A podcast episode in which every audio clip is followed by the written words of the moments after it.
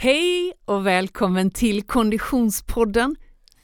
Vi är framme vid ett avslut, en början, en introduktion och en summering. Allt i eh, färgglada papper med fyrverkerier som eh, ackompanjemang. Det är nyårskarameller. Hej Oskar Olsson! Hej Frida Zetterström! Hur är läget? Det är bra! Ja, härligt! Mm. Du, mellandagarna kan ju vara den bästa av alla ledigheter om man nu är ledig. Mm.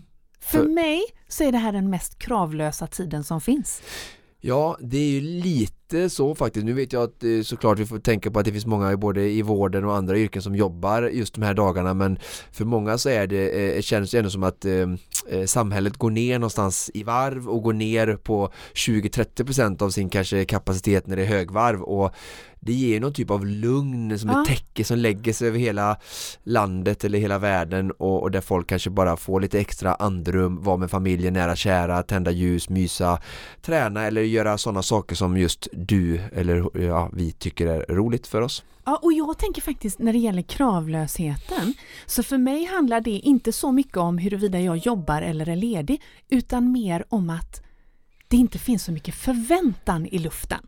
Samhället ställer inte så höga förväntningskrav på den här tiden. Annars kan ju eh, högtider egentligen för många handla om en högre stressnivå, även om man är ledig och sitter i soffan och käkar praliner möjligtvis, eller nyårskarameller. Mm. Men just mellandagarna tycker jag är förknippat med ett, ett, ett lugn som är, som är eh, en låg förväntan. Det gillar vi.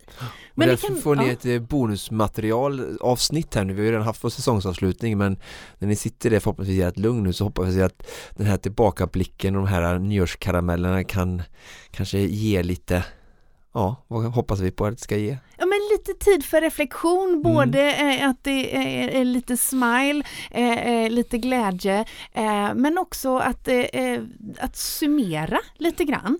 Kanske för... det människor kan göra överlag, att ibland är vi väldigt bra på att titta framåt men den här tillbakablicken med de här nyårskaramellerna är ju en tillbakablick vad vi har åstadkommit och vad vi har liksom sammanfattat den här säsongen med och, och plocka ut lite godbitar även om vi inte kan få med allt och det kan ju vara en, en, en puck att skicka ut till dig som lyssnar att Gör du det med ditt liv också eller ditt år? Hur var året? Vad, vad var bra? Vad kan jag göra bättre?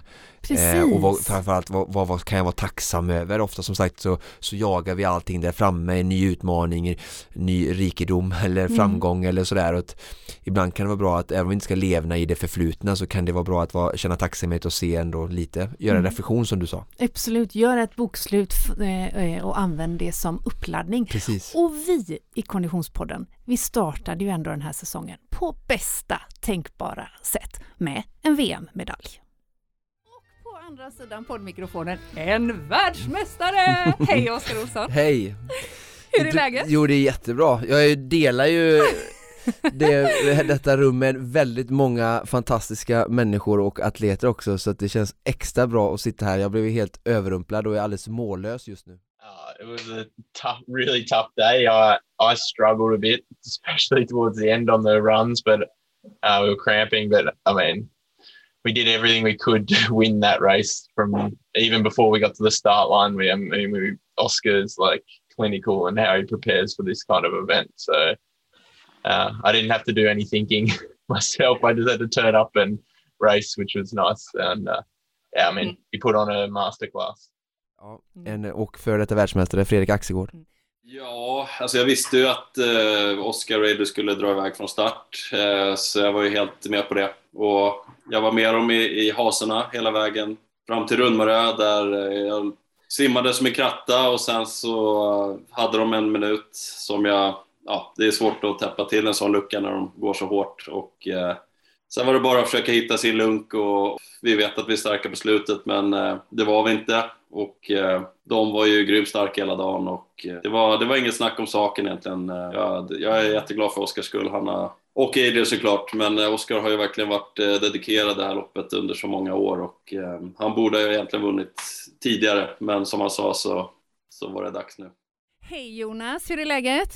Jo, men det är väl ganska bra. Vad säger du om eh, Oscar och Adriels eh, prestation? Det blev ju ändå faktiskt banrekord, måste vi bara tillägga ytterligare. Det är en sån överjordisk insats. Det är en sån obegripligt hög fart på den banan. Ja, det, det går liksom inte... De, de tidiga åren, eh, som jag har varit med från starten, så jag har ju sett den här utvecklingen från... Eh, liksom, jag har ju varit med och sett utvecklingen och eh, jag tyckte vi körde fort, typ när jag vann 2010, även om, vi sprang, även om banan var förstörd och vi tappade ganska mycket tid. Så, så den nivån som eh, de bästa lagen håller i år, det, eller, ja, det är helt obeskrivligt snabbt. Eh, och det visar ju liksom på hur mycket sporten har vuxit, men det visar också på vilka otroliga atleter som tävlar där framme. Fredrik, Adriel och Oskar och, och de andra lagen. Det är en sån, en sån fantastisk hög nivå och det är så mycket specificitet i att behärska swimrun och att behärska just den banan. För det finns, ska gudarna veta att det finns lättare banor att köra swimrun på där man kan kanske, alltså det blir lite mer vanlig löpning. Här är det så extremt mycket teknisk löpning. Det är så väldigt många svåra i och utgångar som man måste bemästra om man ska vinna det här loppet. Och eh, nu pratar vi ju om det är ju liksom utslaget på den arbetstiden. Nu vann ju Adriel Oskar hyfsat klart ändå med, med fem sex minuter. Men eh, det, det, är inte många misstag som krävs för att de minuterna ska gå åt och det är inte mycket trötthet som ska till för att det räcker att man börjar gå lite grann på långa löpet så kommer ett lag i kapp bakom. Så att, eh, mm. ja, det är nog helt obeskrivligt hög nivå på, på tävlingar. Jag fattar inte hur de kan köra så snabbt om jag ska vara ärlig. Jag tävlar inte så mycket. Min erfarenhet inom det, det är ju simbiten där jag är gammal simmare. Men jag kan ju se hur otroligt hängiven Oscar och Adriel är för sin uppgift. Och jag kan relatera till tävlingsmomentet där jag, jag, jag på relativt kort tid har jag lärt känna dig Oscar och eh, eh, slås av vilken otrolig vinnarskalle och vilja att liksom, inte frångå din plan. Det är fantastiskt imponerande. Och jag sa det med, med Moje, min fru, igår att eh, vi känner ingen som är så stark, både i hjärtat och kroppen och huvudet som du är.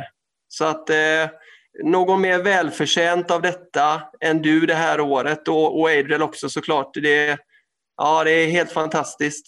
Och eh, som sagt, eh, vi är jätteglada över att lära känna dig och vi är så glada över det du hjälper oss med eh, på vår lilla bakgårdstävling nere i Bildal.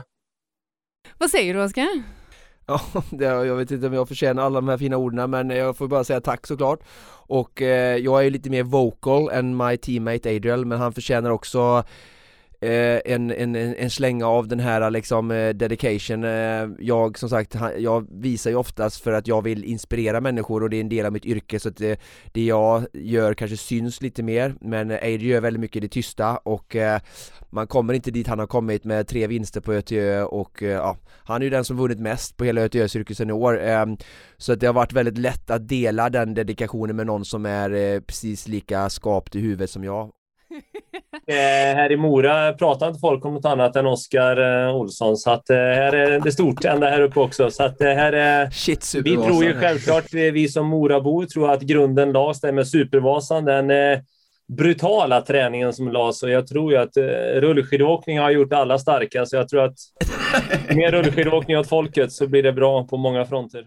Så att jag är väldigt dåligt eh, insatt i den här sporten, men jag förstod, förstår storheten. Så att eh, det är ju, och eh, varit med om att den har växt väldigt mycket sista tiden och bara hör Jonas ord som har varit eh, nästan en av pionjärerna och eh, ser tiderna förändras så väldigt mycket och vet vilka atleter som eh, håller på. Eh, så att jag är eh, verkligen imponerad och eh, verkligen, jag känner ju Oskar relativt väl numera och vet att det är en väldigt vinnarskalle. Eh, och eh, riktigt skoj att äntligen få sätta dit den där eh, segern. Det har varit många andra och tredjeplatser. Du har ju vunnit mycket annat, men det här är ju en eh, häftigt och välförtjänt. Och eh, givetvis Adriel också, som eh, gjort eh, en gigant inom sporten.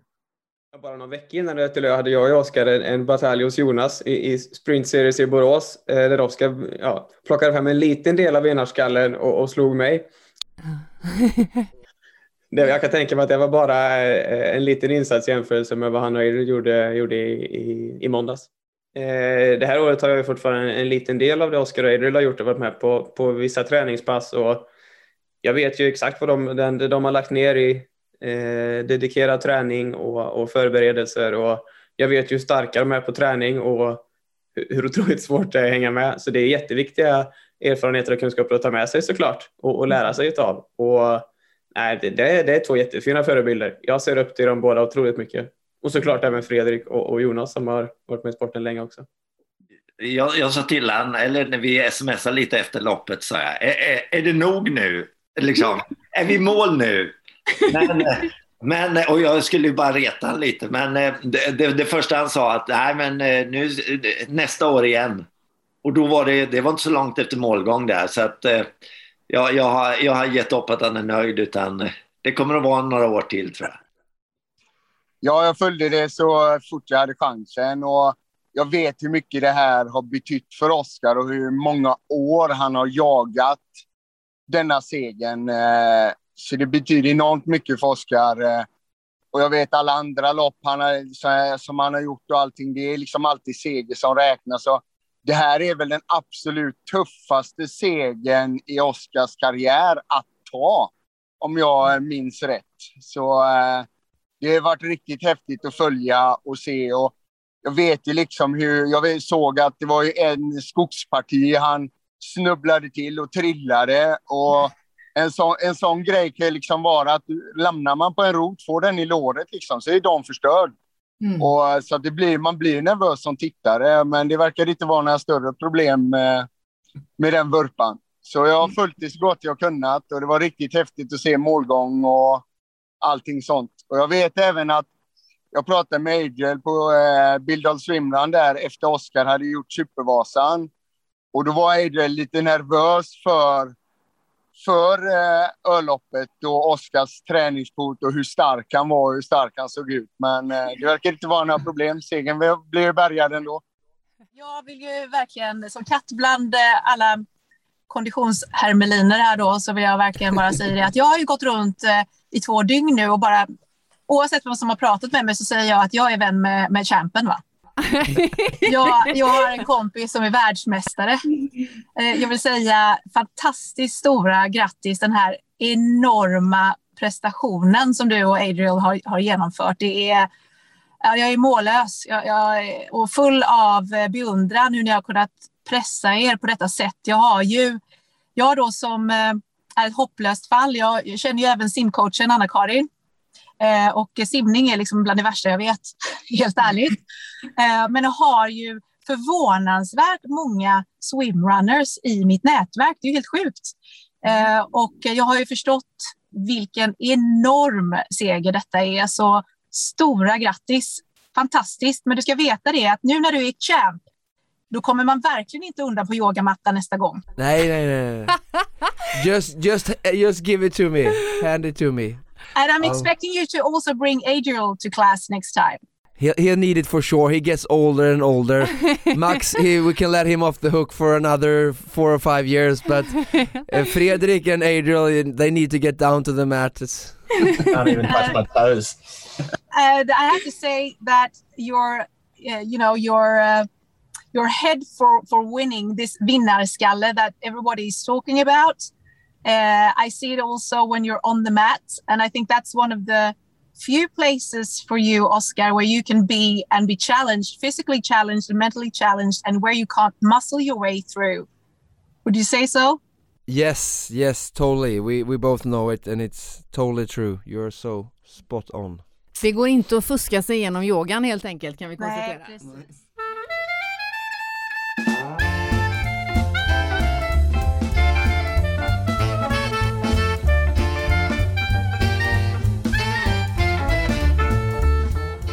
Ja, det var, det var mycket kärlek i luften där Oskar. Ja, verkligen. Vi, ja, jag var chockad och vet du överraskad och otroligt tacksam och full av kärlek. Eh, ja, fantastiskt. Vilket, vilket sätt att starta en eh, säsong av Konditionspodden på. Mm, verkligen.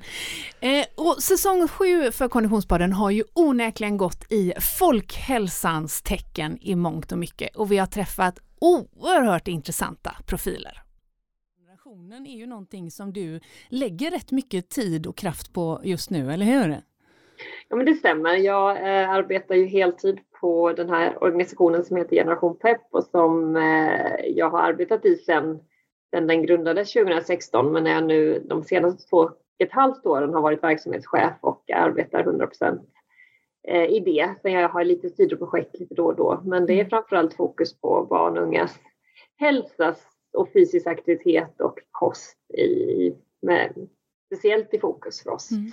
Men vi är en icke vinstdrivande organisation som grundades av Kronprinsessparet 2016 för att de kände att de ville göra en större insats för att liksom vända den negativa trend som vi ser egentligen, eller har sett under lång tid, där barn och unga rör på sig allt mindre, blir allt mer stillasittande och äter för, för lite av det kroppen mår bra av helt enkelt. Och eh, vi eh, ser oss själva kanske som en en samlande kraft skulle jag säga där vi försöker samla samhällets olika delar och uh, olika aktörer, organisationer, företag och, och, alla möjliga som vi tror kan göra en insats för barn och ungas hälsa.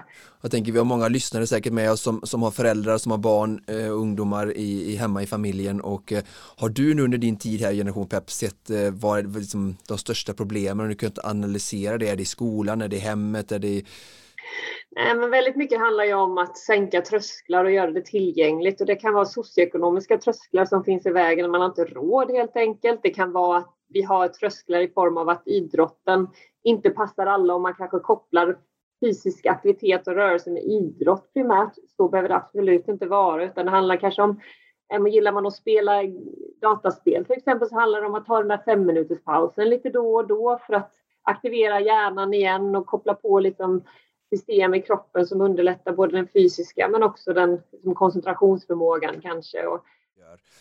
Um, så det är väl viktigt i generationspepp och anda tänker jag att, att fler föräldrar kanske är förebilder oavsett eh, samhällsklass för sina barn. Vad, har du några liksom, nycklar och tips som du har lärt dig efter? För, förut var det OS-guld som brann men nu, nu, är det ju liksom mer kanske bara föräldraskap och, och hälsa. Nej, precis. Nej, men jag tror för mig handlar det väldigt mycket kanske att inte alltid tänka träning. Eh, för det tror jag att en del kan förknippa med att man ska åka iväg och byta om eller är det förknippat med gymkort eller någon träningsgrupp eller pass eller vad det nu kan vara. Utan för mig försöker jag tänka väldigt mycket vardagsrörelse, att jag väljer liksom den aktiva rörelsen i vardagen. Det kan handla om att välja trappan om jag har möjlighet till det eller kliva av tidigare promenera istället när jag är i Stockholm till exempel. Där man kan gå överallt eller leka med barnen ute i, när vi är ute, och, eh, ute i skogen eller i trädgården. Att den här vardagsrörelsen också räknas. Eh, att det inte behöver vara eh, att man ska känna att nu har jag åkt iväg på det. För det är faktiskt vardagsrörelsen som är det viktigaste. Sen är det fantastiskt. om Man kan få, dit, få till en timmes träning här och där. Men vi får nog större hälsoeffekt om vi bryter stillasittandet i vardagen och har lite mer vardagsrörelse än att vi faktiskt tränar en timme i veckan om vi sitter resten ganska så still. Så vi pratade just om lite ansvarsfrågan och vilka som verkligen behöver ta ett ansvar både eh, skola men och sen även såklart föräldrar också och eh, hjälpa föräldrar kan vi väl göra mycket med att eh, informera som ni gör med er organisation. Men sen tänker jag också politiskt där eh, jag kan ju tycka som sagt som också har barn som du Karolina och brinner för exakt de här frågorna också eh, att saknar det kanske lite mer eh, politiskt. För att vi vet ju någonstans att där sker ju mycket beslut som, som påverkar generella eller den stora massan eller befolkningen och jag kan verkligen tycka att eh, det, det, det, pratas för lite där. Har, har, ni någon typ av ingång eller sätt att försöka påverka eh, där beslutsfattare eller Lind kanske, Amanda eller jag vet inte hur man skulle göra. Nej, men det är klart att vi, vi eh, pratar med alla om de här frågorna och lyfter också andra exempel där det finns väldigt många insatser som görs och där det finns mycket lärdom att ta av vad andra länder gör och kanske där man också på nationell nivå gör en hel del insatser. Och Eh, vi vet ju att det här behöver vara frågor som, som måste prioriteras på alla nivåer, och, eh, inklusive den nationella nivån givetvis. Och, eh, vi gör det på olika sätt, mycket i dialog givetvis, eh, men också genom att eh, ja, skapa konkreta stödverktyg. Nu håller vi på till exempel med något som vi kallar för PEP kommun som är ett pilotprojekt för, för kommuner att få stöd i hur man kan arbeta med de här frågorna på ett, på ett hållbart sätt inom kommuner och så vidare. Så att vi försöker definitivt göra det och nu i samband med PEP Forum som är ett, eh, ett live-evenemang som vi anordnar varje år nu den 10 november så kommer vi även ha, ha en paneldiskussion om de här frågorna där bland annat Amanda Lind kommer att delta. i den paneldiskussionen för att också prata om vem, vem, vem ska bära ansvaret för de här frågorna? Hur ska vi tänka framåt? Nu finns det kanske också en möjlighet när man pratar mer om levnadsvanor och vi har sett en pandemi och också hur viktigt det är med att ha goda levnadsvanor och jobba preventivt. Hur vi ska liksom försöka ta hand om det här ännu bättre framåt. För den här stillasittande pandemin, den har ju pågått innan coronapandemin och kommer som det ser ut just nu fortsätta efter och kan på sikt skörda väldigt många människoliv och gör redan. Så att, eh, vi, en- hoppas att vi ska få en bra paneldiskussion då och få höra vad, vad olika personer tycker i frågan.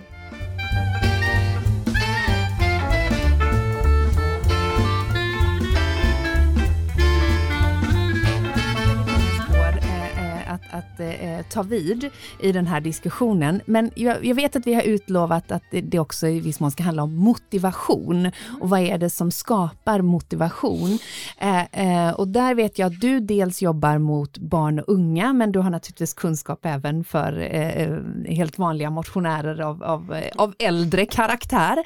Eh, går det att sammanfatta vad, det, vad, vad, vad, vad som är motivation för att få eh, en att vilja träna? Ja, alltså motivation är ju ganska komplext och, Mm. och, och svårt. Då pratar vi mycket om det i vardags, eh, liksom bara vanligt vardagstal så, så att vi, vi stöter ju på begreppet ofta och har det med oss liksom i vardagen sådär. Eh, men det är ju någon sorts så diffus eh, psykologisk energi liksom som driver våra beteenden åt ett visst håll. Och, och så. Och jag vet inte hur ni liksom, pratar om motivation eller vad ni möter och vad du möter Oskar där ute när det kommer till min erfarenhet är att man ofta pratar om motivation i mängd. Alltså man pratar om att vara mycket eller lite motiverad. Mm. Att vara supermotiverad eller att ha låg motivation. Mm. Och där har, har du ju en, en teori som, som heter självbestämmande teorin. Jag vet inte om ni har hört talas om den, men den handlar mer om, om att förstå att vi har olika kvalitet på drivkrafter. Att det finns Mm. olika typer av drivkrafter och att de kommer ha olika betydelse för hur hållbart beteendet blir på lång sikt. Okej, spännande. Ja, Vad, vad, kan, kan man rama in vad, vad eh, olika kvalitet Ja. på? Ja. Man kan rama in det som att det handlar om jag vill motivation Ja. eller jag måste motivation. Just det. säkert hört talas om inre och yttre motivation. Jag avskyr ordet måste. Ja. Mm. Ja, jag- tycker det bara aldrig borde finnas. Mm. Ändå en ledtråd då till att den typen av motivation kanske inte är så bra. Bra, Ja. Mm. Så jag måste motivation och, och de här yttre motivations, eh, eller de här drivkrafterna som är mer yttre då, det är ju att dels piska morot, att göra någonting för att undvika bestraffning eller för att få en belöning. Mm. Det är egentligen den, den sämsta formen av yttre motivation. Just det. Mm. Eh, för att jag gör någonting för att det blir en konsekvens på ett eller annat sätt. Snarare för det. mig själv eller? Mm. Precis, att, att Om det, motsatsen skulle vara att göra för sig själv så är det Ja. att göra för ja, eller att annan eller för någon annan morot eller Precis, yttre så- bekräftelse kanske. Ja, för den inre motivationen blir ju då att aktiviteten i sig är så kul eller Ja. skön eller Mm. härlig. Som du Just tycker med det. ditt yrke. Just det, inre motivation. Men det, sen kan det också vara liksom parat med lite yttre motivation, att jag också får lön för det jag gör. Mm. Så att vi har ju ofta liksom lite blandade olika drivkrafter bakom ett och samma beteende. Men då är det viktigt att de här lite mer inre, den inre formen av, av, av liksom motivationer ska helst vara starkast då. Men sen kan man ytterligare förstå yttre motivation utifrån att det finns olika typer. Så det är inte bara piska morot utan också skamskuld, alltså piskan och moroten har flyttat in Mm. och är Mm. liksom inom mig och, Mm. och driver mig. Eh, kommer jag inte på, på träningen idag så, så blir mina träningskompisar sura och jag får dåligt samvete. Mm. Eller jag, jag måste träna nu för att annars så duger inte jag. Alltså någon form Just av det.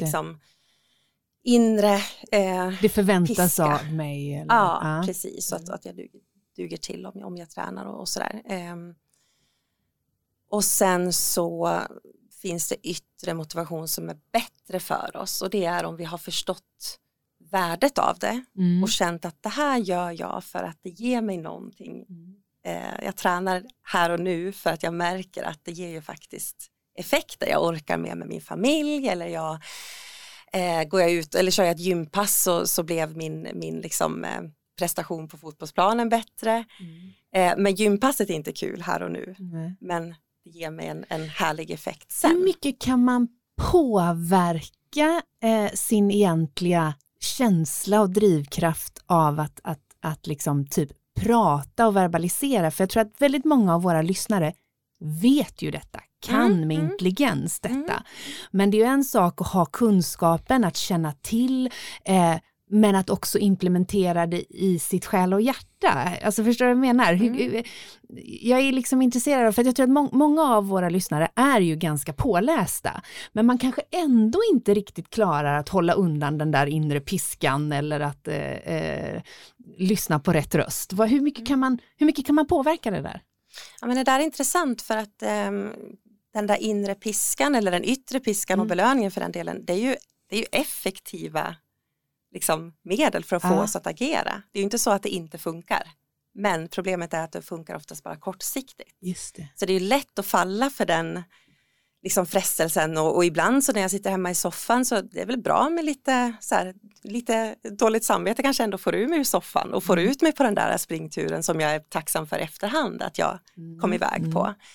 Ehm, så att, ja, men det du sa med, med att liksom du, du var inne på någonting att prata med sig själv Ja, eller alltså att det här tänker- inre. Om man, om man eh, eh, jag, jag är osäker på om jag verkligen bara lyssnar på den sunda inre rösten. Jag vet ju, när det, du säger inget nytt för mig, eh, eftersom jag har förmånen att träffa många som dig och göra mycket sådana intervjuer och ha, sitter på mycket kunskap. Men jag är osäker på om jag ändå kan implementera allting i Mm. mig själv och då undrar jag, kan jag lära mig göra det? Mm.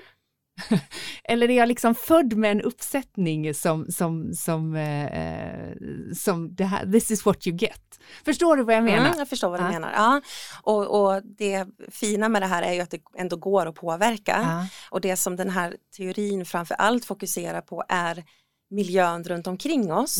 Alltså att det inte handlar om att eh, jag ger dig motivation, för så är det ju ofta med piskan och moroten. Hur ska jag motivera dig om jag till Mm. exempel då är din tränare? Just det, hur ska jag ge dig motivation och hur ska jag styra dig?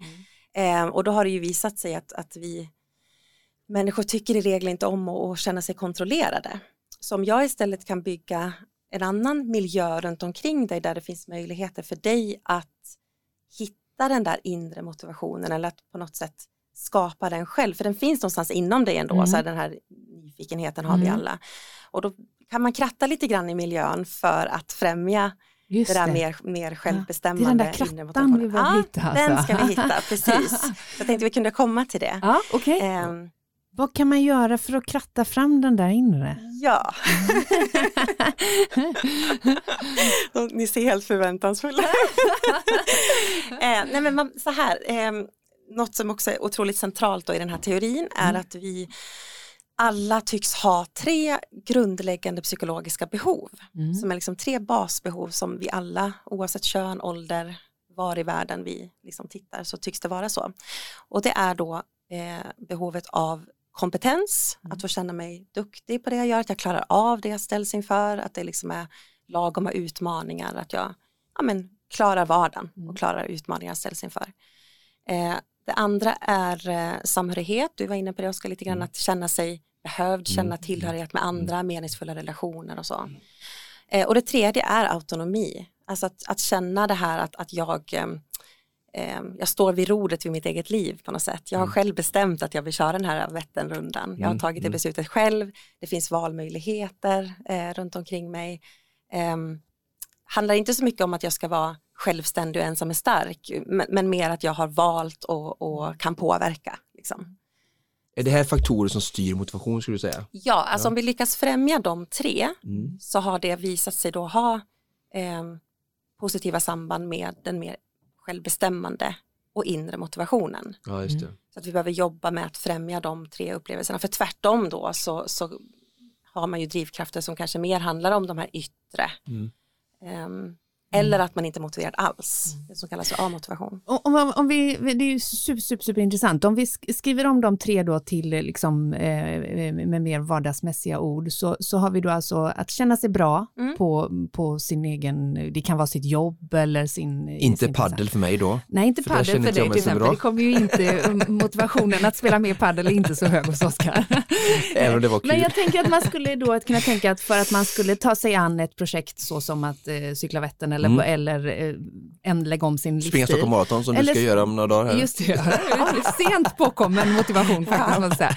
Men då måste man då ett ha liksom en känsla av att man, man eh, känner sig bra på, kan det vara inom sitt yrke eller Mm. som sin roll som mamma eller Mm. det kan vara massa olika saker antar jag. Ja.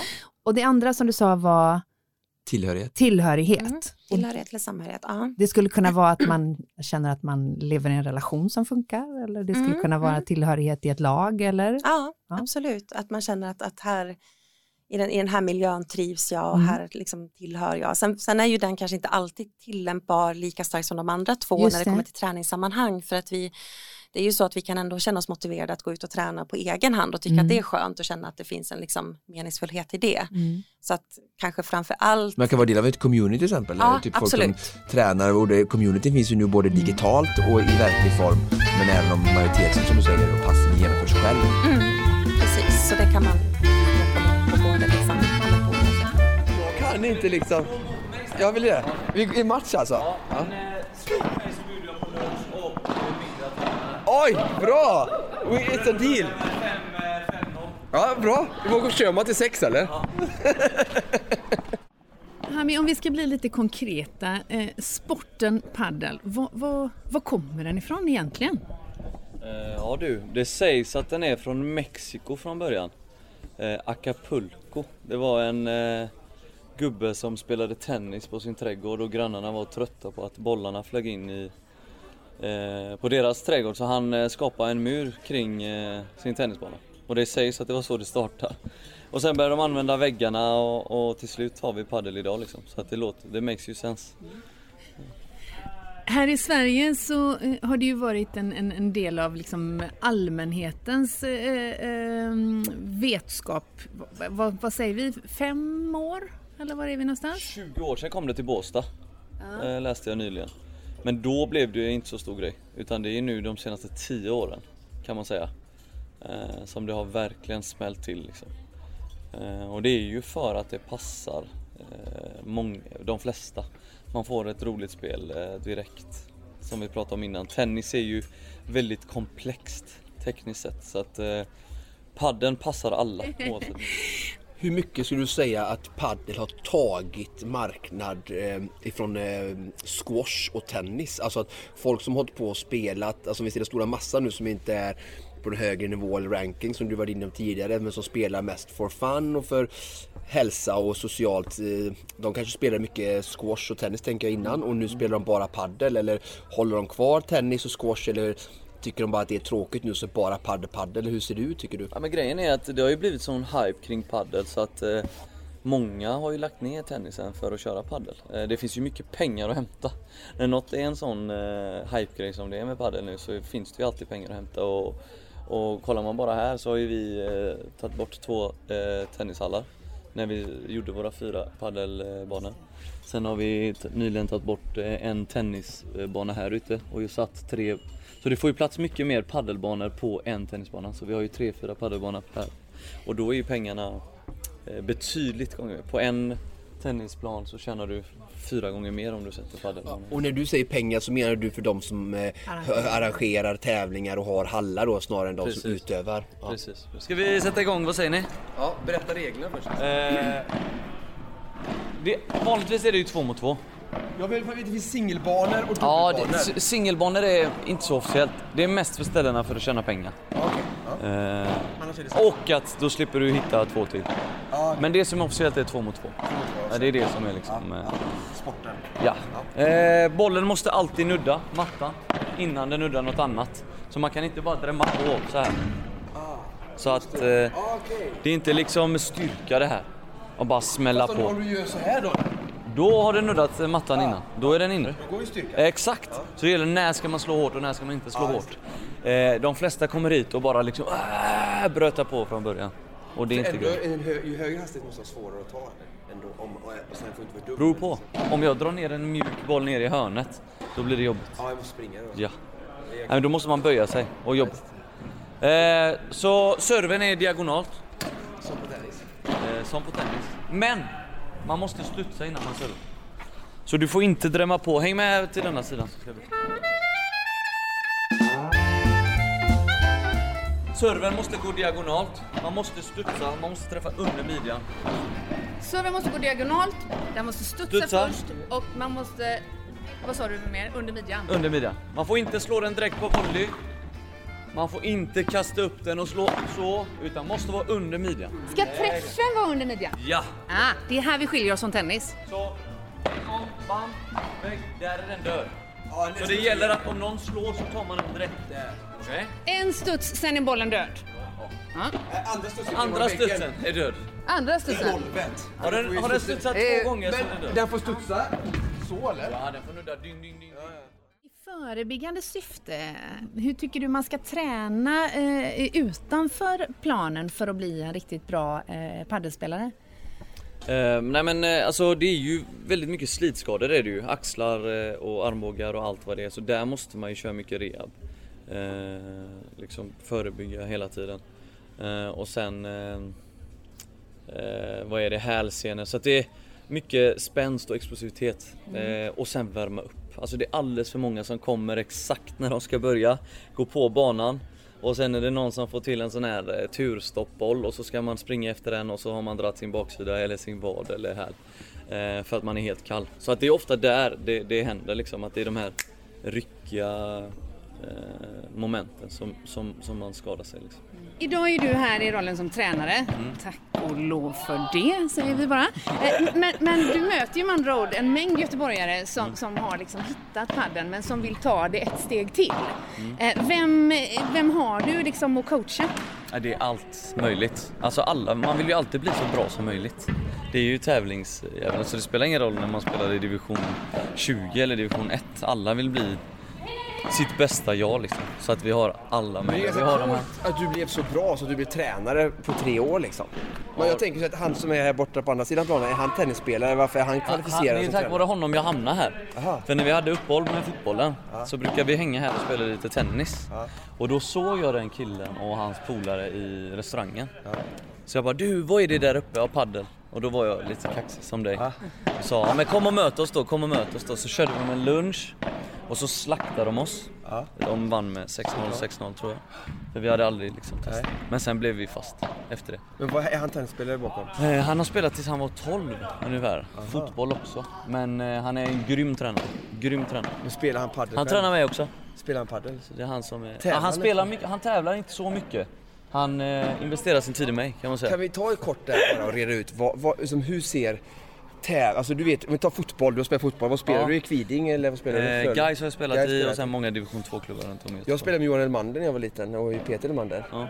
De spelade också Jag i Gais. det är, men jag är lite yngre. Du är lite yngre än oss. eh, men det, vad, det jag vill säga är så här, du vet ju hur fotboll ser ut i divisionsspel och vad man alla strävar efter, Ja. allsvenskan och sådär. Hur ser det ut i paddel i dagsläget med, finns det någon som kan leva på sporten? Vad finns det i divisionsspel? Om, man vill, om jag vill försöka vinna SM-guld eller hur, hur, vad finns det idag? Ja, men alltså det, den är lik eh, där också. Det är mycket, eh, man tävlar själv liksom. Men med, med sin partner. Eh, Får man, men man får individuella rankingpoäng då? Som exakt, man, exakt. Som är rankade i det är- Sverige? Ja, precis. Så att det är en eh, Sverigetour, eh, SPT. Eh, och då så åker man ju runt om i deltävlingar varje helg då. Eh, det finns A-klass, B-klass, C-klass. Hur får du tävla i A-klass? Eh, du måste vinna massa C och B-klasser helt Först. enkelt. Ja. Så det är där, om du vill ta ditt A-klass till exempel så får du börja med Just C nu och håller jag på och köttar. Jag har vunnit eh, några C-klasser, vunnit eh, B, tävlar i B nu, eh, tävlade i helgen. Så att Ja, det är vinna någon B-klass till, några B-klasser till och sen är man i A. Men har du tävlat med olika partners eller Ja det har jag fått göra för i början är det sånt riktigt så här Eh, varje helg har ju olika poäng för att komma in så då måste jag kolla hur mycket poäng har jag? Hur mycket har min partner? Okej, vi kommer inte in. Då måste jag leta efter någon annan som har lite mer. Men det, måste, det är lite som swimrun fast nästan ännu värre. Liksom. Men du måste hela tiden försöka, du vill ju inte spela med mig, du vill ju hitta någon bra partner. Hela liksom. tiden. Men sen finns det många Kollar, som... kollar du på Google eller har ni ett sånt där forum eller liksom Nej, det finns Tinder eller vad ran- Exakt, Ranked-in. Det finns eh, folk som är mer inne på Ranked-in än Tinder alltså. Är det så? Ja, ja. Och letar partners för mig. Nej, så men att- folk sitter och kollar sin ranking ju. Det är gött att sitta och få lite bekräftelse var man är i Sverige och sådär. Ah, jag dör! Vad roligt! Och sina resultat så att folk är helt galna där. Elsa var de spelade där, hon är, med, hon är ranked-mästare här inne. Har man några frågor så frågar man henne. Vad menar man rank? Eh, Ja, men hon vet hur mycket, ni vet hur, hon har bäst koll. Hon är... Men vad är hon rankad i Sverige då? Ja, men hon, hon har faktiskt, det här är en av våra eh, snabbast växande spelare kan man säga. Hon eh, började typ för ett år sedan och har- är redan 50 i Sverige typ. Jag Hur vet mycket inte. tid ligger hon då, skulle du säga? Hon spelar A då? Eh, vet inte om hon har spelat i A. Har du spelat A än? Har du spelat någon A-klass än? Har du det? Ursäkta, det- det var- du, det du var har inte Karl. Det var ett ja. Jag det var ett känsligt. ja, om det är någon som... hon är, hon är riktigt, Hon är riktigt konditionspodden här. Okej Ami, jag tror vi ska spela lite padel. Inte prata så mycket ranking. Ni fattar, det är en, det är en riktigt känslig fråga. Men, En gång till, en gång till. En gång till. Nej, nej, ja, Det här märker jag direkt. Det här går för långsamt. Jag får ju vila hur länge som helst. Nej! Ja, det. Så det tar lite tid innan man fattar. 1-0 till oss. Berätta för lyssnarna om hur den här matchen förlöpte. Det, den, den kom igång. Det var mycket unforced errors i början men eh, sen blev det bra spel alltså. Det är unforced error, det är ju nyckeln precis som i tennis. Man får inte missa. Nej. Och- padel är det ännu viktigare. Just det. Och eh, Konditionspodden-lyssnarna kanske känner igen det lätt nervösa snattet från, från producent Niklas som ändå då har någon form av tennisbakgrund. Nej, det har jag absolut inte. Familjen har i alla fall. Har det smittat över? Ja, jag är absolut inte drabbad av någon tennis. Och Man kan säga så här, du har noll nytta av din kondition för det är ju tämligen lugnt eh, sakta spel för en nybörjare så att det är ju 99% teknik och 1% kondition i, i eh, de 90 första procenten. Sen kan jag tänka mig i den 10% toppen så börjar kondition bli Kan en- ju en det också ha att göra med ens egen konditionsgrad vill jag bara säga som står här helt genomsvettig då. Eh, Men eh, det är ungefär som det brukar vara i Jag träning. tillhör ungefär snittet i svenska befolkningen. jag- Absolut Ja. min vän, absolut min vän.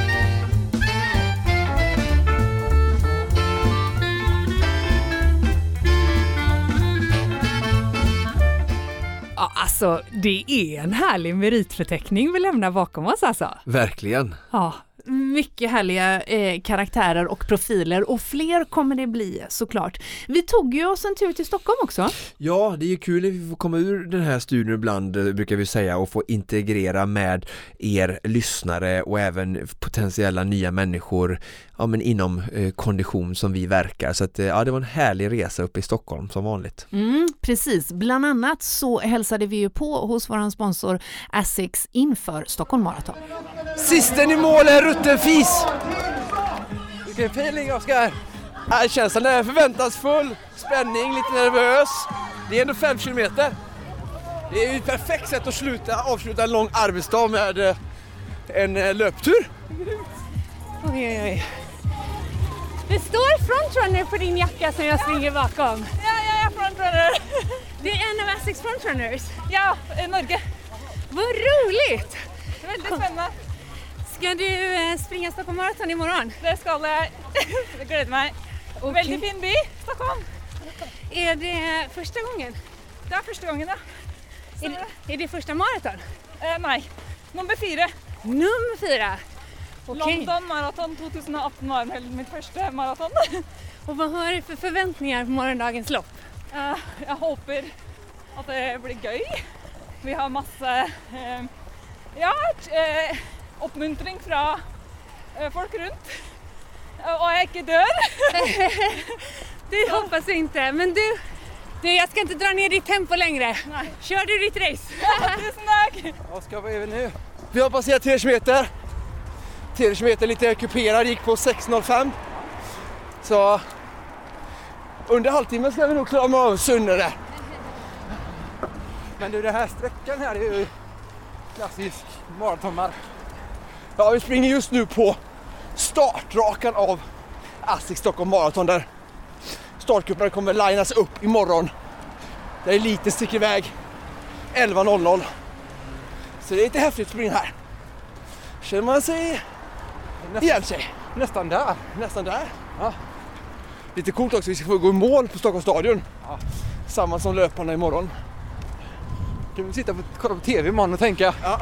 där har vi redan varit. Där har vi varit. Där. Vad säger vi? Att det är skönt att det snart är i mål. Ja.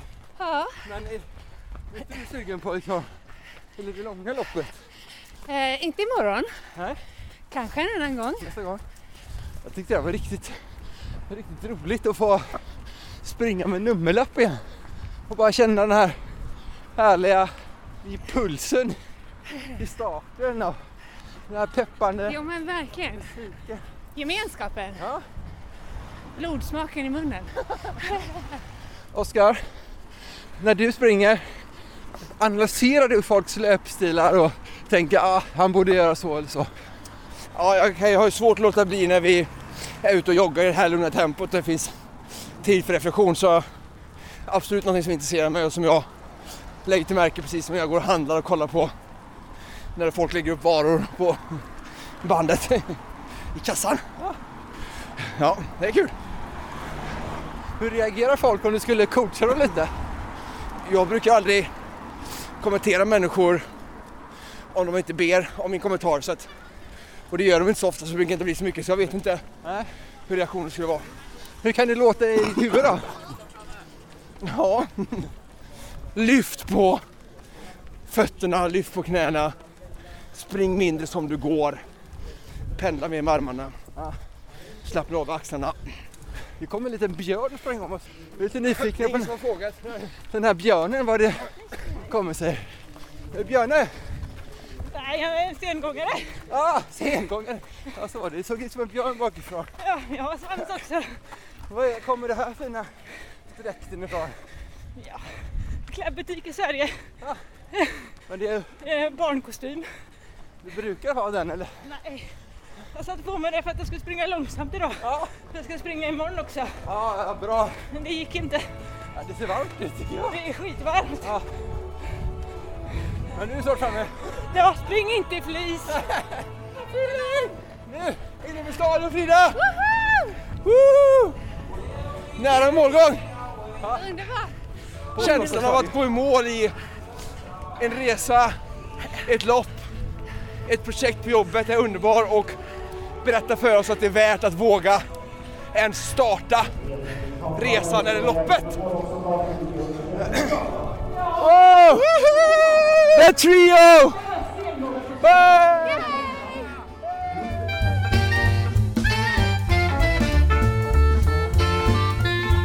Då har vi fått ytterligare finbesök här i Konditionspoddens mobila poddstudio.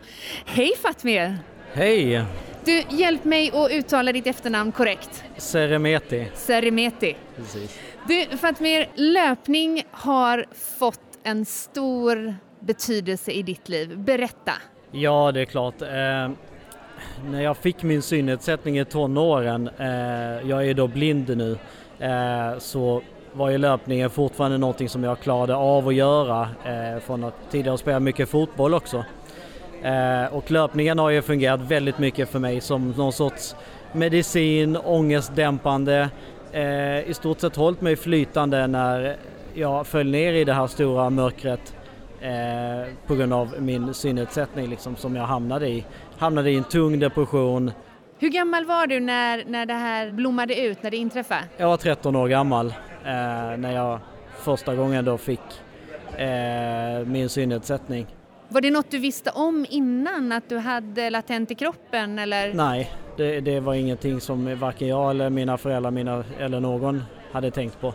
Utan det här var någonting som kom då i 13-årsåldern och sen gick det väldigt snabbt så på två år förlorade jag 80% av synen och efter det så har det gått gradvis ner så idag ser jag i stort sett bara ljus och mörker. Just det. Och vid den här tidpunkten, 13 år gammal, i en tämligen känslig ålder för det mesta i livet, höll jag på att säga, som mamma till en 14-åring och en 16-åring. Eh, då spelade du mycket fotboll, så idrotten var närvarande i ditt liv redan då? Ja men idrott har alltid varit jätte, jätteviktigt för mig. Egentligen sen, sen jag lärde mig gå mm. kunde jag liksom springa och sparka boll och sådär. Eh, så idrotten har alltid varit central, inte bara mitt utan mina syskon och hela familjens liv egentligen. Hur hittade du till löpning? För som du säger, det blev en, en djup depression och... Eh, Men när jag fick då min, eh, eller när synen började bli sämre så var det ju fortfarande någonting som jag klarade av att göra på egen hand. Eh, att gå ut och springa.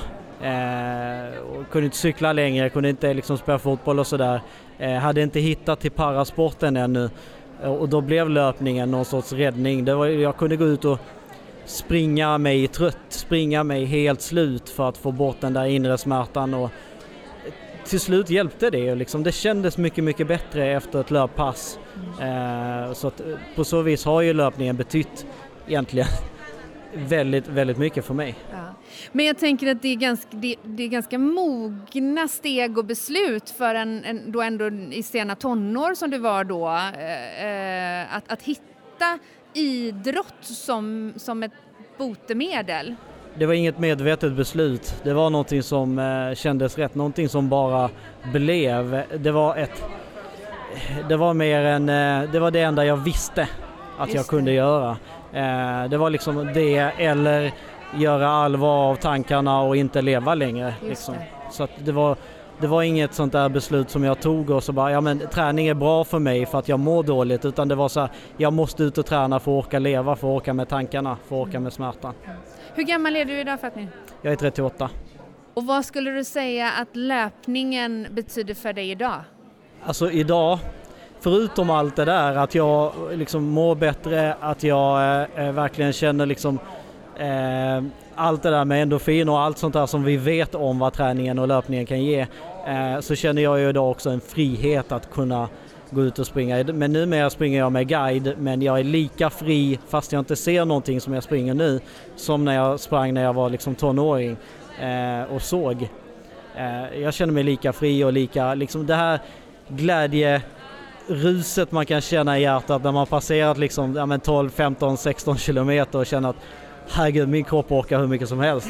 Det här är hur bra som helst och bara känna liksom vinden i ansiktet, stegen, eh, hjärtat slå, puls, allt liksom, allt det där och höra fåglarna liksom, det är, det är en underbar känsla.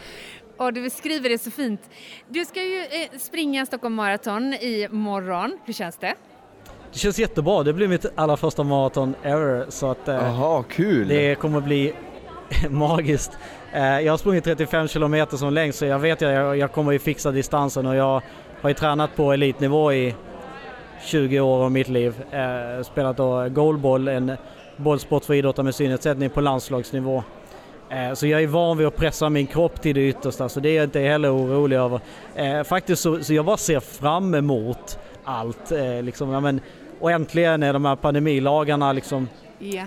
lättra, lättade och allt det där och, och, det blir mycket folk och bara stå här i expot liksom, det ger mig lite så här mästerskapsvibbar som när jag spelade goalball på högsta nivå. Liksom. Härligt. Ja, det är underbart. För den Konditionspodden-lyssnare som inte är bekant med hur det går till att springa med guide, vad, mm. vad, hur, hur, hur, är det praktiskt? Vad är, vad, vad är det som sker? Ja, vi springer i stort sett bredvid varandra. Eh, jag och guiden och så har vi ett kort rep emellan oss som vi håller i, i eh, jag håller den i vänster hand och guiden i sin högra hand. Då. Eh, ett kort lite styvare rep så att jag kan känna liksom yeah. hennes rörelser då. I detta fall är det Lona, en mycket, mycket van och duktig maratonlöpare som har gjort, eh, vad var det nu, 28 maratonlopp hittills. Oj. Det är hennes 29 eh, Och det är också viktigt att när man springer så här långt och ett sånt här lopp, det är också att guiden kanske är något bättre än mig på att springa och orka hålla koncentration och fokus så att man kan kommunicera med, med varandra. Jag brukar eh, skoja med folk att jag, eh, vi, jag som är blind nu liksom, eh, har, har gjort inte bara jag, men alla blinda egentligen som springer har gjort löpningen till en lagidrott helt plötsligt. Från att vara en individuell sport så, så blir det en lagidrott för vi måste verkligen vara ett team där ute. Lona måste liksom vara väldigt duktig på att kommunicera hinder och kommunicera svängar och sånt också. Samtidigt som vi ska ha kul och hjälpas åt och peppa varandra. Liksom. Finns det någon del av loppet imorgon som du eh, har större respekt eller kanske till och med eh, eh, bävar lite inför? Så, jag var ju upp här och tränade med Lona för någon vecka sedan eh, och sprang då delar av maratonbanan. Okej så här, jag förstår eh, folk som säger att Västerbron och så blir de lite så här kalla i ansiktet. det kan jag förstå faktiskt. Eh, så det, det, är väl det. Och, och det är ju fler höjdmeter här på ett maraton än vad jag får i Malmö på ett helt träningsår liksom. Så det är väl höjdmetrarna också som kan bli en utmaning imorgon. Underbart! Om eh, man stöter på eh, dig och din guide imorgon så får man eh, ropa hejarop, eller hur? Det får man absolut, det skulle göra oss jätteglada. Mm. Och om man vill följa din löpning Fatmir, eh, finns du på sociala medier misstänker jag? Jag finns på Instagram eh, eh, som Fatmir understreck. Sen har jag faktiskt ett ganska stort TikTok-konto som jag startade i somras och redan fått ja, över 50 000 följare där jag delar av eh, delar liksom med mig av mitt liv som blind överhuvudtaget. Så där pratar jag om allt möjligt liksom. Hur fixar man håret som blind? Hur springer man som blind? Jag har till och med videos och sådär där. Så att, eh, det Vad bra! Vad, är det fler blinda? Hur många är ni som springer imorgon? Vet ni det? Eller har ni... Jag vet faktiskt inte Nej. alls hur många det är som springer och vilka. Eh, jag ska springa i alla fall. Ja, ja, det ska du göra och vi säger lycka till. Ja, stort lycka till imorgon. Tack så jättemycket.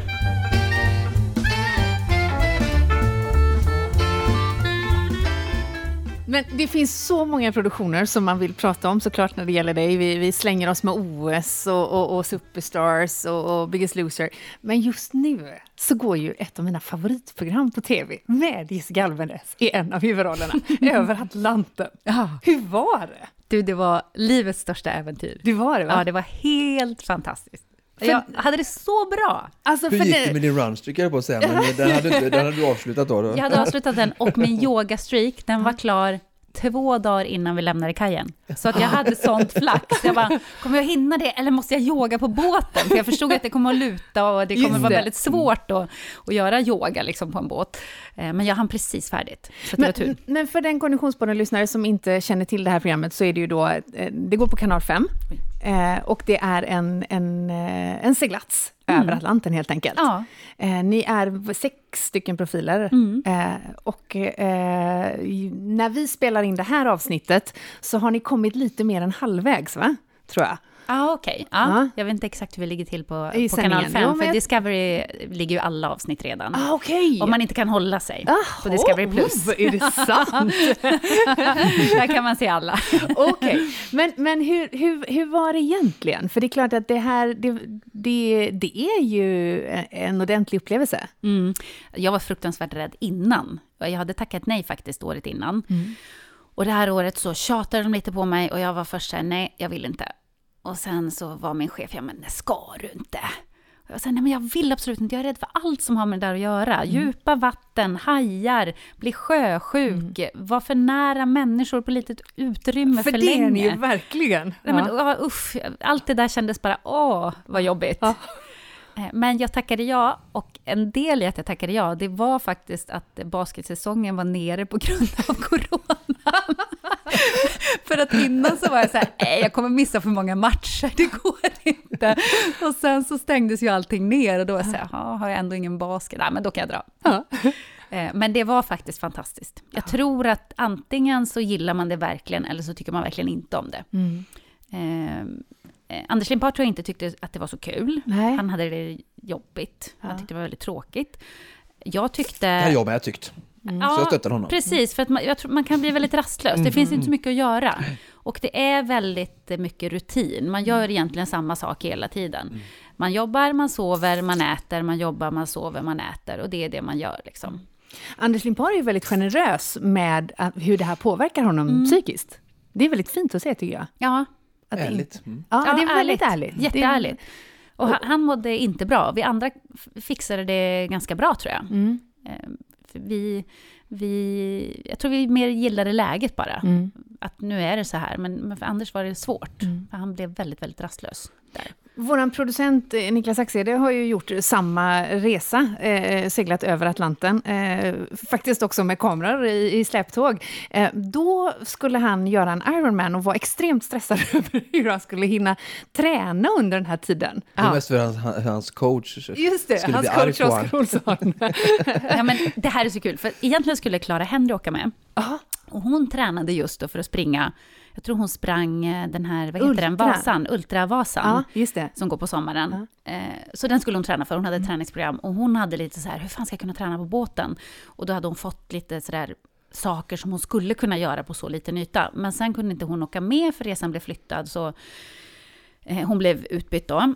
Eh, Men då hade vi med oss Paul Svensson, kocken på båten. Och han skulle åka ett jättelångt skidlopp uppe i, i Jokkmokkstrakten faktiskt. Nordsjöloppet är det. Exakt! 22 mil på skidor. Jajamän. Där har jag varit uppe som coach också. Ja, det skulle han åka. Och han var ju väldigt stressad, för han skulle ju då inte kunna träna på båten och måste liksom få eh, konditionsträningen, Mm. uthållighetsträningen och sådär. Simma. Så han hade med sig rullskidor till Kanarieöarna, för vi var fyra dagar på Kanarieöarna innan vi åkte iväg och förberedde oss. Bra. Då var han ute och åkte rullskidor flera timmar om dagen.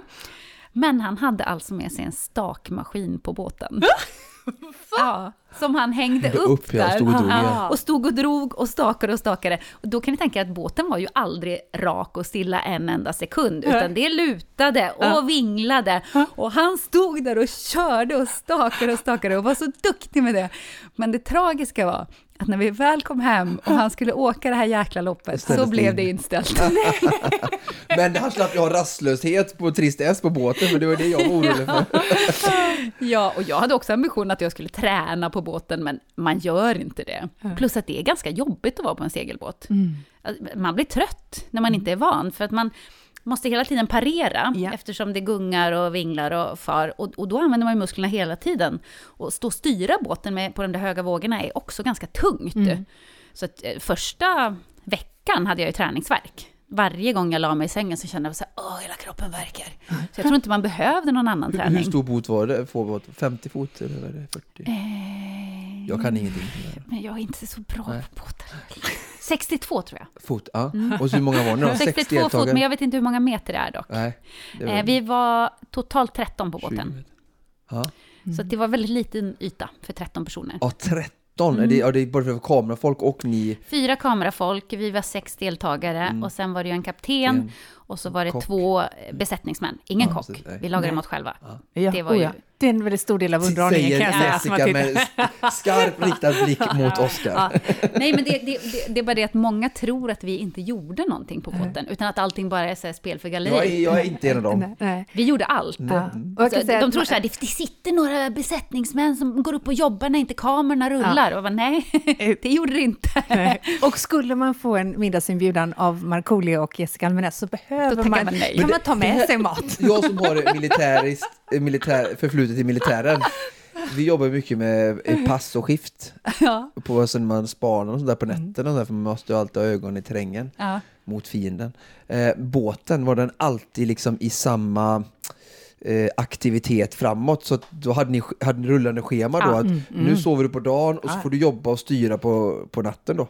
Vi hade på dagarna så hade vi sex timmars pass. Ja. Så man jobbade sex timmar, var ledig sex timmar. Ja. Och då kunde man ju sova om man ville eller Ja, mm. vara uppe om man ville. Mm. Eh, och på nätterna då från åtta på kvällen så var det fyra timmars pass.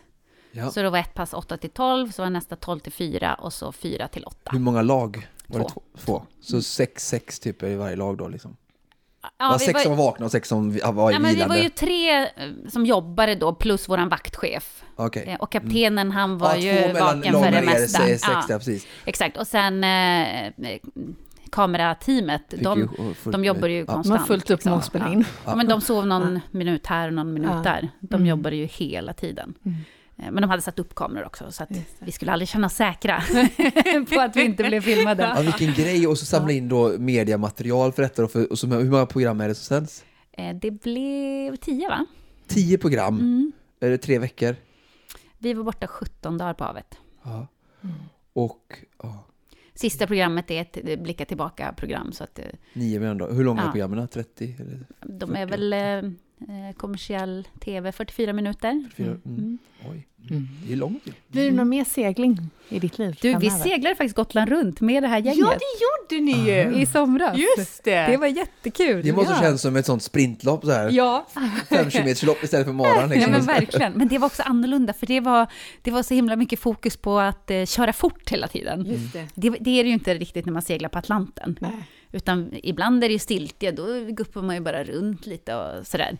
Det, det är ju ingen stress att det ska gå fort, så det var något annat att tävla. Det var också väldigt eh, slitigt. När man skulle kryssa ut eh, ur skärgården, jäklar vad man kämpade. Man var riktigt trött. så, så det var en annan typ av segling, men jag gillar nog mer den här eh, segla långt-seglingen, tror jag.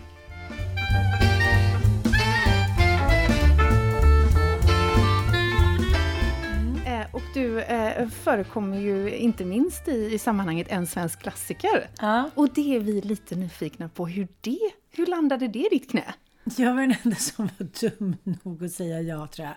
Nej men jag tror att det faktiskt är lite så överlag att om man frågar Ann eh, liksom om det är någon utmaning så, så är det nog ganska liksom säkert att hon säger ja. Och jag frågade ju flera tjejkompisar, ska ni taka på på det här? För de behövde en tjej till. Men är du galen? Vadå? Du menar att vi då ska cykla 31,5? Nej men alltså lägg ner nu, hej då! Alltså, de trodde ju inte att jag skulle göra det. Men så känner jag så här, ibland kan det vara väldigt svårt tycker jag att få till det även om många säger man får prioritera träning, man får hit och dit. Men med fem barn mellan liksom 4 och 19 och ett liksom frilansliv och ett stort hus och så, alltså det, det går inte alltid faktiskt. Och jag lever med en man som också är liksom periodare. Så att man, man kanske inte alltid pushar varandra. För nu tänkte jag att när jag började träna igen att min man skulle bli så här, men gud, frugan är på gång. Jag sätter på mig löparskorna. Just det, att han skulle hänga med lite. Ja, Ja. som att vissa par är så här, går man upp i vikt eller det blir något så här, då får den andra säga till då. Just det. För att man ska hålla sig fräscha och attraktiva för varandra. Det kan man säga vad man vill. Man kan ändå tycka att det liksom ligger någonting i det. Eh, men då fick jag den här frågan och då var det, ja, det är Johan Olsson och som är programledare och Annie Thorén. Och sen så blir det du och eh, lyckoforskaren Mikael Dahlén och kanske Markoolio. Och det var liksom hit och dit. Jag var så här, ja men det här blir ett roligt gäng. Och sen när det var klart då. då sa jag så här, det är roligt om det är en till vanlig så att det inte blir så här tre OS-medaljörer som liksom lever träning. Det. För det är ju många som, som, som gör som är med nu. Det sitter en här. Jag vet. Och sen blev det till slut så blev det bara så blev det tre sådana och jag. Just det. För de andra som är med är? De andra som eh, deltar då är Manne Forsberg Mm. som jag tvingar med på allt möjligt. Just det. Eh, och sen är det Mattias Hargin då för detta mm, Skid. Ja, skid. Ja, men slalom och sådär. Och han, jag, kollade nu så Jävlar vad han är vältränad. Men han eh, höll ju på liksom internationell klass fram till 2019. Och sen så blev det då eh, Elin, Elin Härkinen som är då ja, men, eh, träningsprofil och jag menar, många kanske känner till henne. Men hon kan ju stå på ett finger och liksom böja sig som Hon har ju en fantastisk historia. Hon råkade ut för en olycka och skulle aldrig mer kunna gå. Hon är ju en superatlet. Otrolig atlet. Otrolig. Och eh, så, så att, eh, ja. Just det, så det är en, en, en, en, en, en tämligen vältränad kontext kan man tycka. Ja, eller de lever ju, de leder ju deras profession att jobba med träning. Så jag blev lite så här, okej. Och ser det du? Ja. Vad var uppladdningen för dig inför Lidingöloppet? Nej, men det var faktiskt ingenting överhuvudtaget. Förutom vildsex då? Nej, nej, nej, inte ens det måste jag säga. Nej, det var dåligt med det mesta, med vildheten. Nej, men det var ju bara några veckor kvar då. Just det. Ja, och eh, då kände det jag gick, så här, var ju nu bara för några veckor sedan men jag gick på gymmet så här, i så här uppförsbacke några gånger. Och så Ja, det var här. bra. Eh, ja, och, Specifikt. Det är liksom att eh, då vänjer man sig precis som du skulle gjort på cykeln och sitta. det Precis, jag tänkte att det är ingen idé att jag ska börja så här, köra konditionsträning nu, utan det är bättre att jag så här, preppar benen för liksom, ja. Men sen så pratade jag med lite folk som hade sprungit och de var så här, fan det är värre än maran liksom. Det är Ja. så här, gud sista milen, jag kunde inte gå på två veckor, säger Johan Olsson, världens mest liksom segaste skidåkare som gjort sig fem milen på en timme. Men ja, sen började jag få lite panik och sa mina kompisar, det där gör du inte. Du ringer och säger att du kör en mil, för det kan ju vem som helst göra. Så här. Jag bara, okej, jag ringde till teamet och sa, jag har inte fått så mycket stöd och så, här, så jag, jag tror att jag kör en mil. Jaha, nej men gud vad, vad tråkigt att höra och så här. Och så närmar det sig, så närmar det sig. Så bara, ja, men spring en mil där. Jag bara, och så den dagen, ringde, dagen innan jag ringde till Alexandra Pizzoni. Jag bara, tja Alex, ta mig runt bara. Du får 15 papp du, men ta mig... Hon bara, okej okay, älskling. Så att, uh, ja. Uh, och det gick oväntat bra ju. Ja. Uh, men det var så många i, i ja, kommentatorsfältet som var så här, det är sjukaste jag varit med om. Du är nog den sämst för i Lidingös historia. Jag var så här, ja, fast vadå? Jag har ju spelat liksom paddel och tennis och jag cyklar lite hit och dit och så här. Det handlar också om att man gör grejer varje dag. Det är inte så att jag sitter stilla. Nej. Men då tyckte jag att du förstår inte de här backarna sista milen och så här. Men eh, ja, jag körde på där, ville springa iväg och Alex var så här, ta det lugnt, jag håller koll. Jag var så här. Men sen, så det gick liksom väldigt, vi sprang på där till 1,9 och då stod hela teamet där och då började krampen. Just det. Men det gjorde den tydligen för Manne och Mattias, så det var inte så ovanligt fick jag höra sen. Nej. Men sista milen var ju liksom tough cookie. Ja. Eftersom jag hade liksom en, en, en ny sorts kramp som jag inte förut har känt. som gick från stjärtamentsfästet här på sidan och ner hit. Tensorn. Mm. Ja. Ja. Och sen knäna. Mm. Den när den blir stel så blir den för kort och då får du ont i knät. Det kallas ju löparknä det är ju akut löparknä verkligen får du under ett lopp så verkligen men det måste också varit en väldigt chock för din kropp som aldrig har gjort några löppass på över en timme. Nej. Kan jag tänka mig på Mm. rätt många år kanske. Mm. Så måste det varit otrolig chock för kroppen. Ja. Men ändå visar det på hur, hur grym kroppen är. Du tog Ja. det i mål. Men jag utnyttjar, jag måste ha kostat typ 500 000 för Lidingöloppet. Varenda massör, eh, kiropraktor, gel, liksom. Och Alex fick putta mig nästan upp för den där abborrabacken hon heter. Men Mm. ja, jag kom i mål där på 4.30 och liksom... Jag var inte pigg alltså. Men det är check på den. Ja, jag, jag, jag fick mycket beundran ute i kretsen måste jag säga.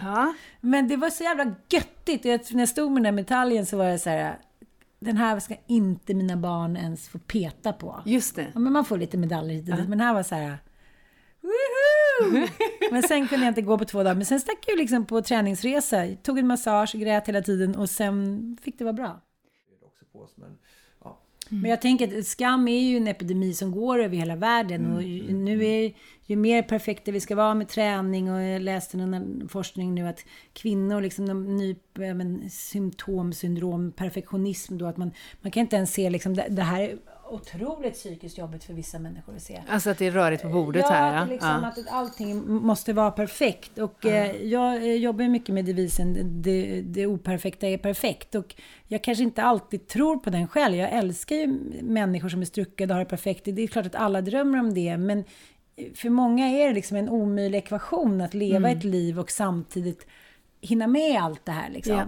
Och då tänker jag så här, men, jungiansk, liksom, de säger alltid så här att själen är ett, träsk, en sumpmark. Och liksom, vad var det Roosevelt sa? Att man går in i den där arenan och så ser man så här då ser man liksom en person som här, inte jublar, vilket då är en spegel på en själv. Man säger för fan vad jag är dålig, för fan vad dålig jag är." Mm. Och så kommer man över då liksom att man själv inte Liksom, att man ser det så att de här kanske tycker att jag är bra. Fan, de jublar ju. Okej, tack så mycket. Och sen så självtvivlet. Nej, jag är inte så bra egentligen. Och hit och dit. Och så liksom fortsätter skammen. Så jag tänker att det kanske var nyttigt för mig det här. Verkligen. Mm. Eftersom att du känner att du har känt, du sa alldeles nyss eller för ett tag sedan sa du att du har känt skam väldigt länge i ditt liv. Mm. Och nu pratar du ändå väldigt kloka ord Mm. som känns som, är- som är som nyckeln till att kanske sluta någon gång. Eller Mm. i alla fall känna mindre skam i framtiden.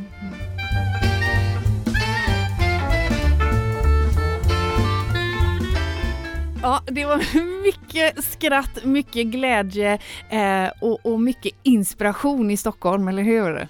Ja verkligen, så mycket människor vi träffade och härliga profiler vi fick prata med och sen hade vi lite andra intervjuer som vi kunde samköra där också så att eh, det kändes som vi kom hem med eh, mycket bra i bagaget. Mm, det kommer att bli fler resor framöver, det vågar vi faktiskt lova.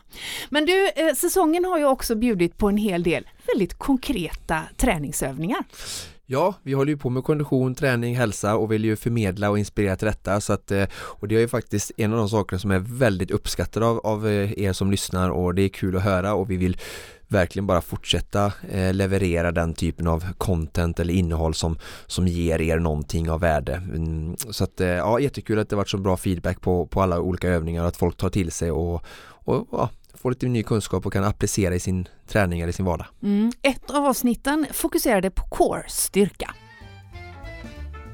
Och, och, hur är det, eh, finns det liksom Finns det någon risk med att så här, överträna eller liknande eller är det här en, en ganska liksom en ganska safe muskelgrupp att, att, att, att bygga på? Alltså allting går ju att överträna. Ja, Om man säger, nu ska jag köra det här stenhårda 30 minuters courepasset som Oskar gett mig sju dagar rakt i och börja på noll. Ja, Vi kommer ändå tillbaka till det här med progressionsprincipen att Mm. börja träna core, den är väldigt stark, starkare än vad vi tror eh, sådär. Mm. Ehm, men gör det kanske till en början inte mer än varannan dag Mm. och, och som sagt börja lugnt och sen öka och, och lära känna din kropp Mm. Eh, och det är väldigt svårt att ge någon typ av generellt här men den är, det, det, det, det är lätt, jag tror det är svårt, svårare att, att verkligen överträna kåren än Mm. vad det är till exempel att överträna med hjälp av att man eh, människor eh, tränar för mycket löpning för fort eh, Ja, men jag och tänker får problem det. med hälsena, knä och, Och även och, kanske också, att jag tänker så här med, med, med paddelarmbåge och Ja, alltså ja, överhuvudtaget, ja. den sortens muskelgrupper kan ju bli väldigt påverkade. Eh, Det känns Kåren som att kår är mer safe då. Liksom. Eh, Och vi heller inte kanske kommer åt de musklerna riktigt på samma sätt. Eh, Alltså, det- man tränar ju inte i vardagen på samma sätt Nej, nej. eller överbelastar. Mm. Sen så, det var också jag, jag det är också, när man pratar om coret, eh, det är bra att, eftersom att, alltså att eh, du kan isolera, isolerat träna din core, Mm. alltså som typ, ja men plankan eller en viss core-övning, bara helt statiskt, där du, övriga delen av kroppen är ganska stilla. Mm. Men så frågar jag eh, även Monica en fråga till då, att ge oss din favoritövning Ja. eller sådär. Och då det tycker jag var väldigt bra sätt för att visa på att det finns också kårövningar och det här kommer komma såklart lite visuellt då på Instagram men att också öva kåren i praktik, alltså när du Mm. faktiskt gör en annan typ av rörelse. Mm.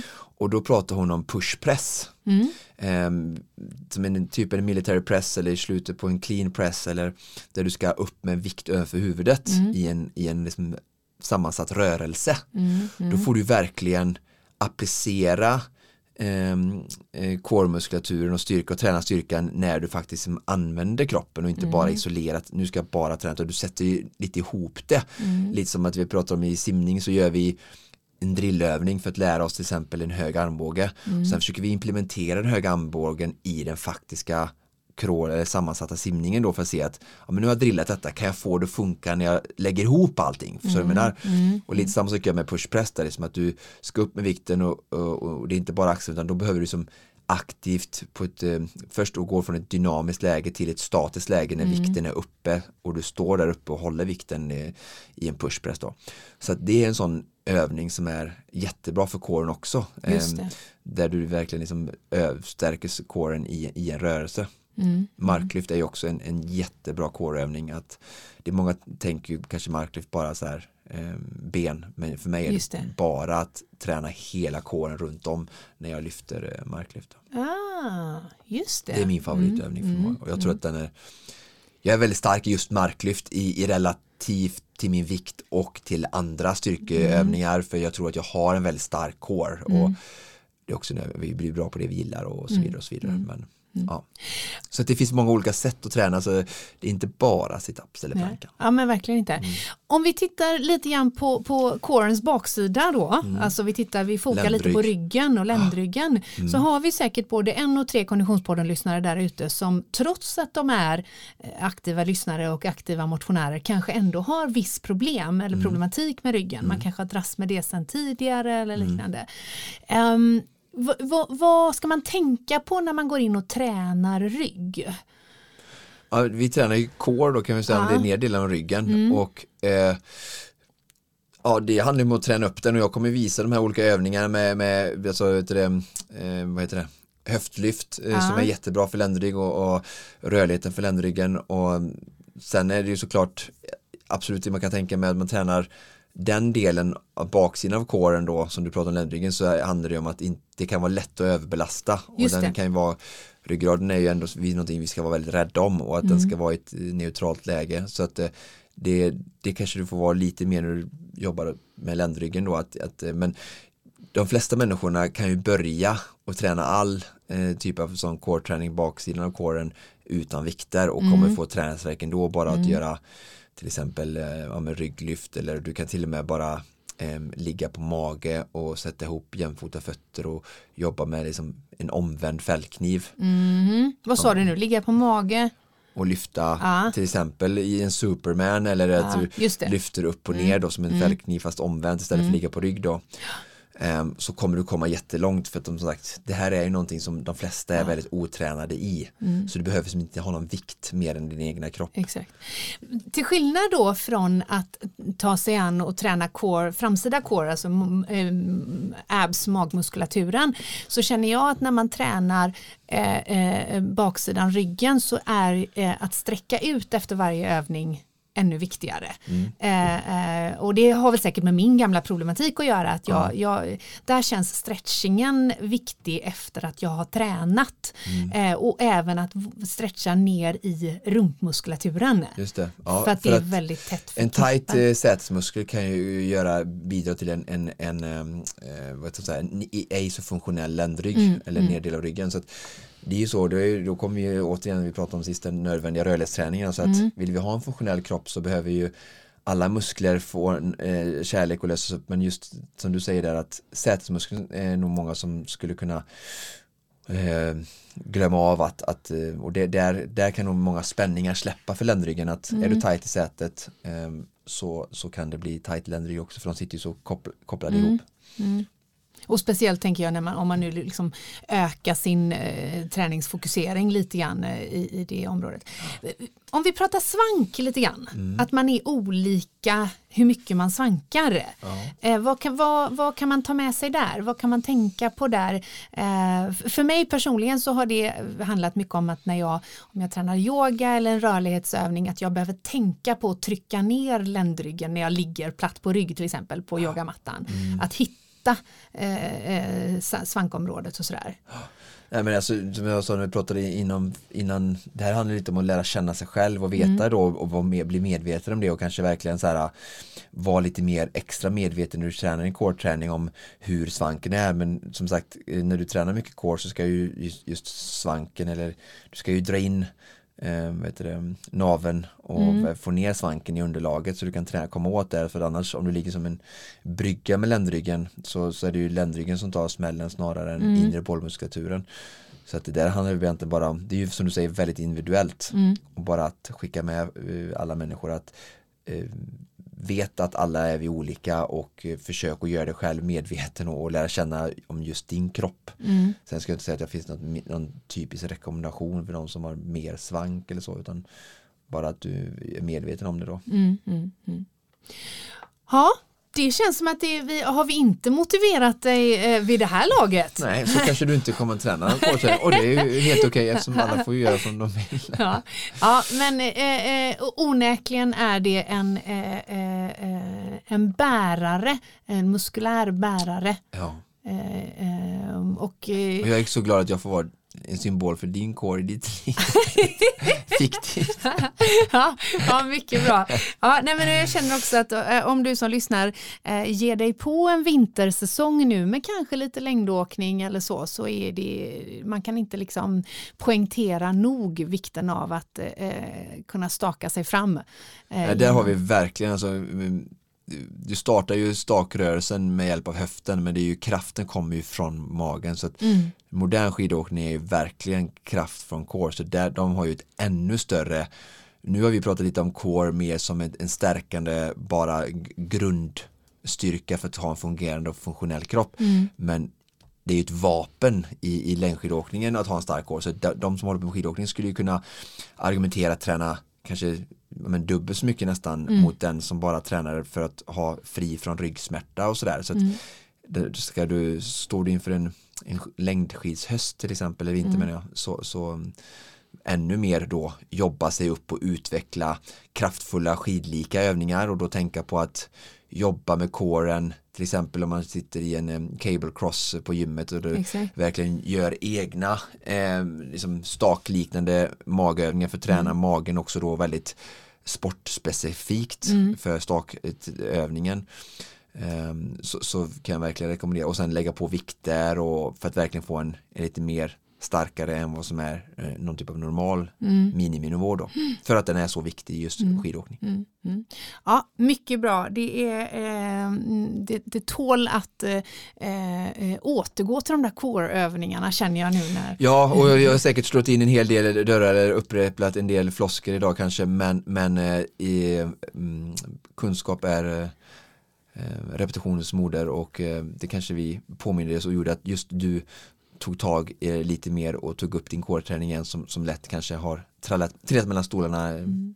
Och det är också tacksamt tänker jag, alltså, det, det är en ganska liten add-on till ett befintligt träningspass. Ja, ja, det, krävs behövs ju ganska så- lite. Ja, för få effekt. Och det är alltid rätt. mm, tacksamt. Det gillar vi och vill du som lyssnar ha eh, lite konkret inspiration på hur de där core-övningarna skulle kunna se ut, då tycker jag du ska kila in på vårt Instagram, där det alltså eh, nu i dagarna dyker upp ett eh, eh, Oscar specialpass med fokus på core.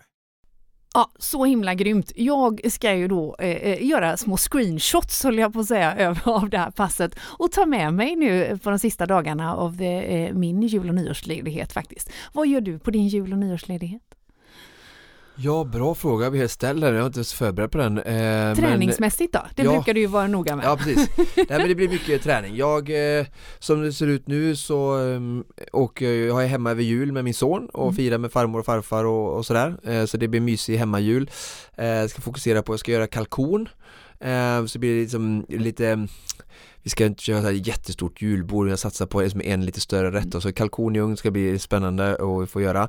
Eh, och sen så när jag eh, i mellandagen så åker jag upp till eh, Sälen med, eh, med vänner och ska eh, väl åka försöka få många mil under eh, längdskidslaggen då eh, eftersom att jag fortfarande siktar på den här 9 januari eh, att eh, försöka sida mig till ett eventuellt Vasalopp. Det är inte säkert att jag kanske får åka nu, vet ju ingenting om, om framtiden men eh, Ja, eh, så att det är mycket skidåkning och sen kanske lite alpint som jag vet att du gillar också. Ah. Och lite glühwein kanske, man vet. Nice, nice. Ja, mycket bra. Men när vi skriver 2022 i almanackan då eh, är det, eh, eh, då vänder vi blad och vi vänder säsong och vi är såklart tillbaka. Säsong 8 väntar. Säsong 8 väntar. Hoppas att du som lyssnar vill hänga med oss då. Men det här mina vänner, var allt vi hade att bjuda på för den här gången. Vi på Konditionspodden säger tack så hemskt mycket för 2021. Tack för att du är med oss, tack för att du gör din röst hörd, tack för att du eh, hör av dig. Ha nu ett riktigt gott slut. Ta hand om dig så ses vi nästa år. Hej då! Hej då! Precis som vanligt produceras Konditionspodden av Fredag. Connect Brands with People.